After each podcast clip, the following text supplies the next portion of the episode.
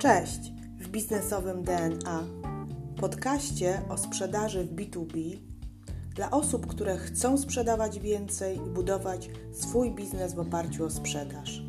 Nazywam się Ewa Piotrowska i w tym podcaście udzielę Ci praktycznych wskazówek z zakresu pozyskiwania klientów, prowadzenia procesu sprzedaży oraz zwiększania ilości klientów. Jeśli jesteś osobą, która lubi sprzedaż, a może masz potencjalnych klientów, którzy składają tylko obietnice, a może nie masz procesu sprzedaży lub strategii sprzedaży, to zapraszam Cię do słuchania tego podcastu. Zaczynamy.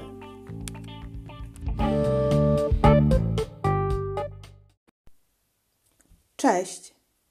Witam Cię w dzisiejszym odcinku, który zatytułowany jest Strategia poszukiwania nowych klientów jak przeprowadzić proces pozyskiwania klientów.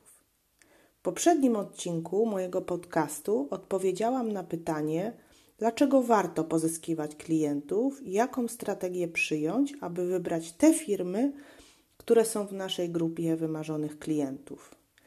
Jeśli nie słuchałeś lub nie słuchałaś tego podcastu, to koniecznie wróć do niego, ponieważ proces pozyskiwania klienta wymaga przygotowania od początku do końca.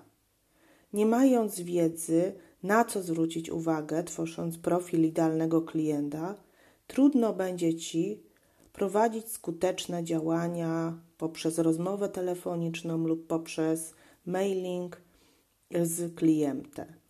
Dlatego przypomnę Ci też, o czym mówiłam w poprzednim odcinku, Mówiłam o tym, że najlepsi sprzedawcy, najlepsze firmy aktywnie poszukują klientów. To znaczy nie czekają, aż klient zadzwoni, tylko same biorą sprawy w swoje ręce i same szukają tych potencjalnych, idealnych klientów. Pamiętaj, że klienci nie wiedzą nic na, na temat Twój i Twojej oferty, więc najważniejsze jest, abyś to ty wiedział lub wiedziała, do kogo chcesz zadzwonić, czyli kto jest Twoim klientem. Przypomnę z poprzedniego podcastu, dla przykładu, jeśli poszukuję dyrektora finansowego, personalnego lub właściciela firmy z południowej Polski z obrotami powyżej 30 milionów rocznie, to szukam takiego właśnie klienta, tylko takiego. Nie zwracam uwagi na żadne inne firmy, które pojawią gdzieś się przed oczami.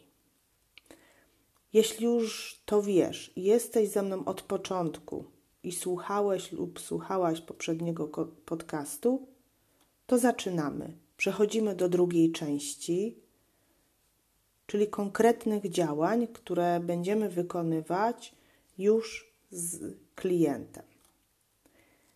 Mam nadzieję, że wypełniłeś lub wypełniłaś zadanie domowe, które jakby w poprzednim podcaście mm, było y, do przygotowania dzisiaj. To znaczy, jesteś już gotowy do kontaktu z nieznanym ci klientem. W poprzednim zadaniu domowym przypomnę, że określaliśmy profil idealnego klienta. Wybuję wiemy z kim będziemy nawiązać, nawiązywać kontakty, no teraz należy zadać sobie pytanie, gdzie mogę spotkać swojego klienta. Mm, należy zadać sobie także pytanie, do ilu klientów zadzwonię lub napiszę. No i najważniejsze, jak będę mierzyć skuteczność tych działań, które sobie obiorę, żeby wiedzieć w przyszłości, czy te działania przynoszą mi efekty, czy też nie i w jaki sposób będę je modyfikowała. Gdzie mogą być Twoi klienci? Może powiem na przykładzie mojej grupy docelowej, czy też klientów, z którymi ja rozmawiam. Mogą chodzić na konferencje branżowe, mogą czytać czasopisma branżowe w formie papierowej lub w formie elektronicznej, przeglądając portale, na przykład portal związany z zarządzaniem produkcją. Mogą przebywać na, w mediach społecznościowych. Jeśli kontaktujesz się z klientem biznesowym, to jest to LinkedIn. Jeśli sprzedajesz do klienta indywidualnego, to może być Facebook, a nawet Instagram chociaż znam też prezesów firm, którzy korzystają z Instagrama i, i można też nawiązać z nimi kontakt. Natomiast ja głównie koncentruję się na LinkedInie. Więc mając już wiedzę, gdzie są moi klienci, mogę zbudować bazę. Bazę kontaktów, z którymi będę nawiązywała relacje. W tej bazie powinny znaleźć się takie informacje jak nazwa firmy, imię i nazwisko osoby, z którą chcę porozmawiać, lub nawet dwóch lub trzech osób. W pierwszej kolejności może być to osoba A, w drugiej kolejności osoba B, a w trzeciej kolejności osoba C.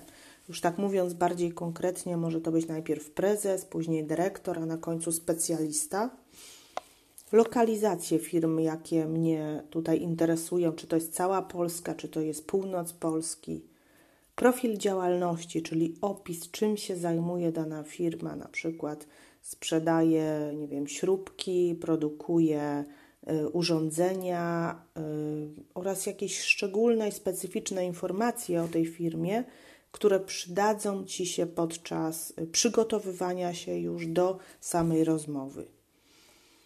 To jest bardzo ważne w przygotowaniu się do rozmowy, aby znaleźć takie punkty styczne, gdzie my się zainspirowaliśmy klientem, czyli coś, co będzie takim naszym, y, naszym, naszym hasłem startowym.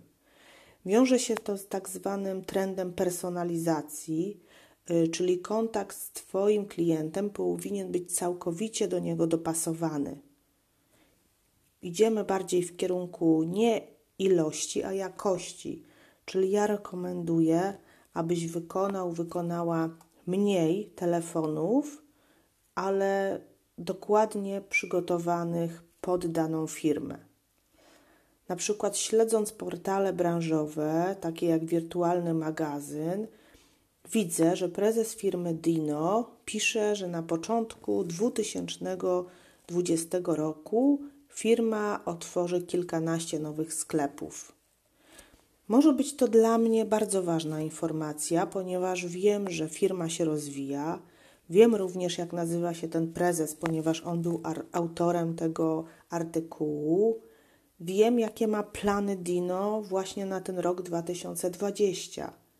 To jest właśnie ten element personalizacji, takiego w cudzysłowie mówię zaczepienia, który może stanowić wstęp do mojej rozmowy czy do mojego kontaktu z klientem.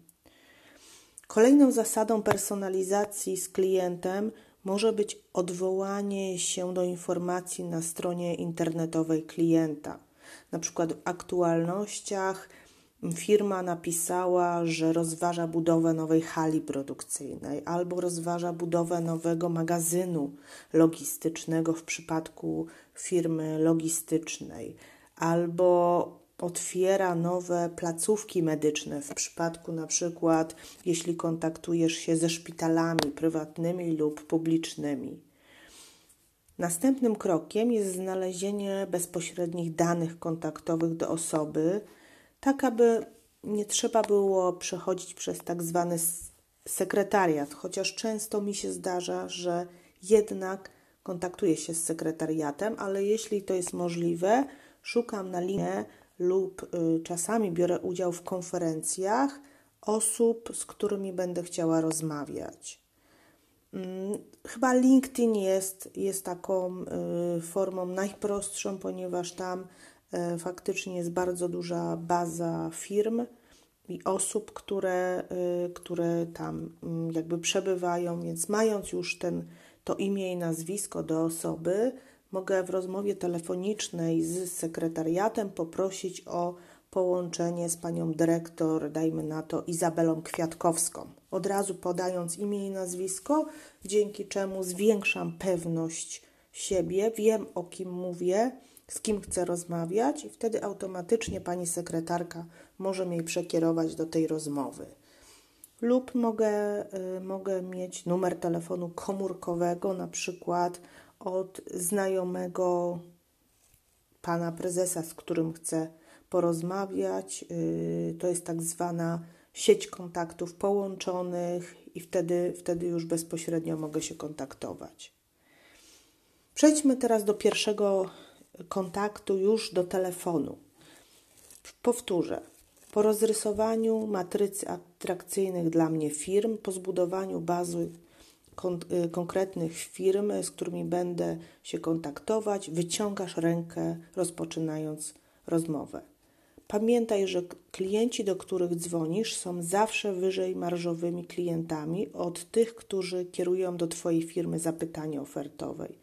Dzieje się to dlatego, ponieważ to Ty pracujesz nad tą firmą od samego początku, budujesz w nim potrzebę posiadania Twojego produktu. Niestety, i to jest bardzo ważne, zapamiętaj, często mamy do czynienia z taką sytuacją, gdzie podczas pierwszego kontaktu telefonicznego z klientem przechodzimy od razu do sprzedaży naszych produktów. Warto zwrócić na to uwagę, w jaki sposób podczas pierwszego kontaktu się komunikujemy, ponieważ to może wpłynąć na losy dalsze w procesie sprzedaży. Sposób umawiania z tego spotkania może zdeterminować rezultat tej rozmowy i opinię klienta na Twój temat. Dlatego pamiętaj, nigdy nie przedstawiaj oferty podczas rozmowy telefonicznej, nie wysyłaj informacji typowo handlowych. To nie jest ten etap. To może wystraszyć klienta. A teraz opowiem Ci już na konkretnym przykładzie, jak może wyglądać Twój pierwszy kontakt y, z klientem. Podam Tobie tak naprawdę trzy przykładowe mm, wstępy do rozmów. Witam serdecznie, Panie Prezesie. Miałam okazję czytać Pana artykuł w ostatnim wydaniu wirtualnego magazynu i zauważyłam, że rozwijacie sieć sprzedaży a my organizujemy spotkanie w sprawie systemów kasowych właśnie dla sieci sprzedaży. Odbędzie się ono 13 września. Czy mogę zapisać Pana na listę? To jest pierwszy, pie, yy, pierwszy przykład. Drugi przykład. Witam Panią dyrektor. Współpracuję z firmą z branży kosmetycznej, która w wyniku zastosowania robotyzacji przyspieszyła swoją obsługę klienta o 30%. Będę opowiadała o tym na spotkaniu dla branży kosmetycznej. Czy mogę Panią zapisać na to spotkanie? I jeszcze trzeci przykład, tak żebyś już miał yy, i miała perspektywę różnych sposobów. Witam serdecznie. Ostatnio czytałam, że Państwa firma planuje rozwój w nowym roku, wzrost sprzedaży o 20%. Mam doświadczenie, w jaki sposób możemy to osiągnąć. Czy możemy się umówić na krótkie, 30-minutowe spotkanie w tej sprawie? Ono nie potrwa długo, to będzie tylko 30 minut.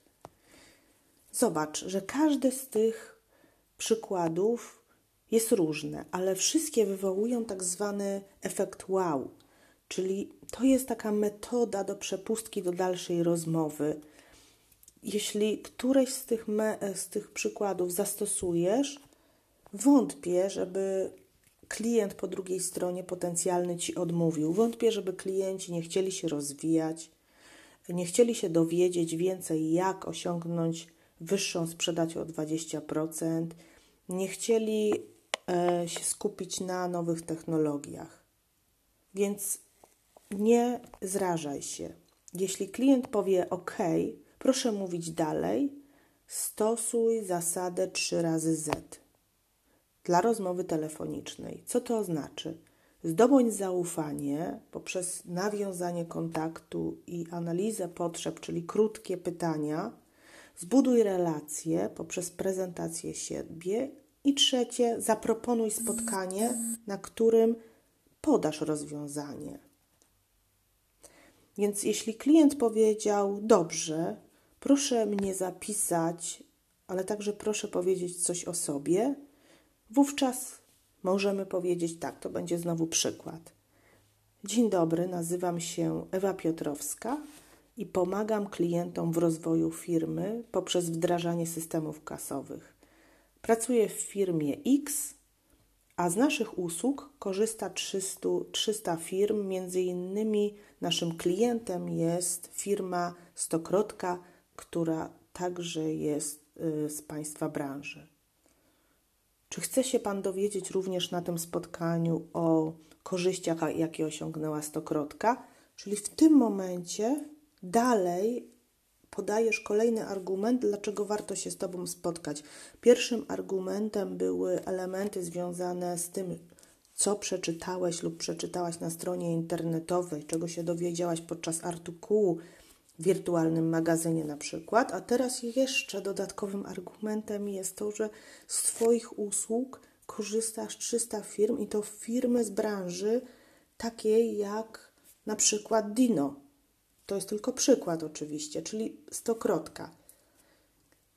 Moim zdaniem już jak to powiesz, masz dwa punkty, mm, dwa punkty już, y, już jakby u klienta. Klient mówi, dobrze, chciałbym się coś dowiedzieć więcej o stokrotce. No ale teraz przyjdzie czas na to, żeby też zadać więcej pytań klientowi, tak? Czyli jeszcze, mm, jeszcze, jeszcze po tym, jak już zdobyłeś, zdobyłaś zaufanie klienta, przeprowadzić taką mini analizę potrzeb. Dwa pytania. Dwa pytania myślę, że wystarczą. Może to być takie pytanie, czy Pan, Panie Prezesie, korzysta teraz z systemów y, kasowych, jeśli chcesz się dowiedzieć coś więcej o tym, co ten klient ma u siebie w firmie? Czy planuje Pan rozwój lub Pani rozwój w przeciągu tego roku w tym kierunku z nowym dostawcą? Tak, te pytania ta analiza potrzeb jeszcze ma Tobie dać pewność, że faktycznie warto się spotkać z tym klientem. Klient y, w podsumowaniu rozmowy oczywiście może poprosić o maila z informacją o spotkaniu i przykładami klientów, z którymi współpracujesz, więc wyślij takiego maila od razu po rozmowie. Mm, to jest bardzo dobry moment, ponieważ też pozyskasz adres mailowy i numer telefonu komórkowego do klienta, mm, ponieważ za około 3 dni najpóźniej y, powinieneś, powinnaś skontaktować się z tym klientem. Bardzo ważne, pamiętaj, że klient rzadko odpisuje. Rzadko odpisuje, więc to Twoją rolą jest ponowienie jeszcze raz kontaktu i dopytanie, czy klient zapoznał się z materiałami, czy ma jeszcze jakieś pytania i jeszcze raz, jeszcze raz potwierdzenie terminu spotkania. W tym mailu potwierdzasz termin spotkania i prosisz klienta o potwierdzenie. Podsumowując, y, to co chciałabym, żebyś zapamiętała, zapamiętał właśnie z tego ważnego, y, ważnego obszaru związanego już z kontaktem z klientem. Nie piszemy do klienta przez LinkedIna, tylko bezpośrednio na maila. LinkedIn służy nam do wyszukania kontaktu.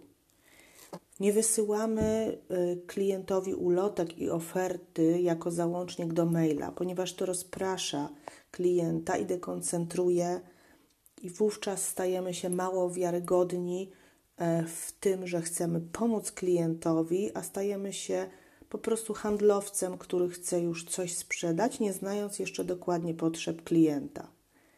Przygotowujemy się do, do rozmowy, szukając informacji o kliencie, o potrzebach klienta, o rozwoju firmy.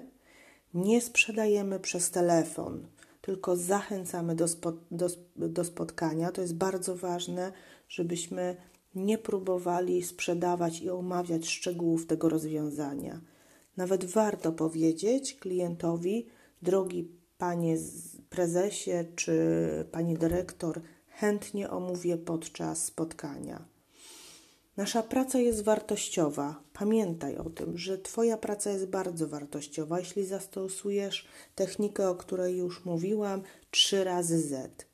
Zaufanie, zaciekawienie klienta i wartość rozmowy oraz zaproponowanie spotkania. A teraz zadanie domowe. Odpowiedz na kilka pytań, tak żeby można było przejść do kolejnego etapu procesu sprzedażowego, a jest to spotkanie handlowe. Opisz miejsca, portale lub, y, lub tak naprawdę elementy, w którym możesz znaleźć swojego klienta. Czyli jak już wyobraziłeś, wyobraziłaś sobie tym klientem, zastanów się teraz, gdzie ten klient może przebywać. Napisz wstęp do rozmowy. Korzystając z moich trzech wstępów, które tutaj przygotowałam i powiedziałam, napisz swój własny wstęp do rozmowy, który ma zaciekawić klienta. Opisz jedno case study, które zastosowałeś, zastosowałaś u innego klienta, ale również możesz opowiedzieć swojemu potencjalnemu klientowi. I ostatnie, napisz maila, którym zachęcisz klienta do spotkania. Pamiętaj, że mail powinien być krótki, e, konkretny i od razu dawać konkretne informacje. Ważne to, o czym jeszcze nie powiedziałam. Rozmawiasz z człowiekiem. Jeśli zastosujesz metodę telefon, mail, telefon, mail i klient odpowie, to pamiętaj, że jak się postarasz, to, y, to klient będzie zainteresowany. E, a jeśli nie będzie zainteresowany, to możesz zrezygnować z tej firmy albo możesz poszukać innej osoby w tej firmie. W kolejnym podcaście opowiem Ci o tym, jak budować w sprzedaży pozycję eksperta. To jest bardzo ważne w nowoczesnej sprzedaży. Ta sprzedaż teraz ulega zmianie. E, jakby handlowiec, oprócz tego, że zna produkty, buduje tak zwaną, tak zwaną pozycję eksperta. Możesz to robić w sieci, na konferencjach, na, na LinkedInie. Daj się poznać klientowi. E, ja zawsze mówię: wyjdź z konta, a ciebie znajdą. Więc y, bardzo ważne jest, żebyś na przykład, jak wysyłasz maila do klienta, w stopce pod spodem opisał lub opisała link do strony, w której klient się coś więcej o tobie dowie. Nie jesteś tylko handlowcem czy tylko prezesem firmy, ale klient może coś więcej przeczytać na Twój temat. Dlatego pozostań ze mną do kolejnego podcastu i dowiedz się, w jaki sposób Ty, jako osoba ze sprzedaży, możesz zbudować pozycję eksperta. A jeśli podobał Ci się dzisiejszy odcinek tego podcastu, to będę wdzięczna, jeśli zostawisz e, serduszko e, w aplikacji, w której słuchasz ten podcast, albo udostępnisz ten podcast innej osobie, której też mogę pomóc w sprzedaży. Dziękuję bardzo i do usłyszenia w następnym odcinku. Pozdrawiam.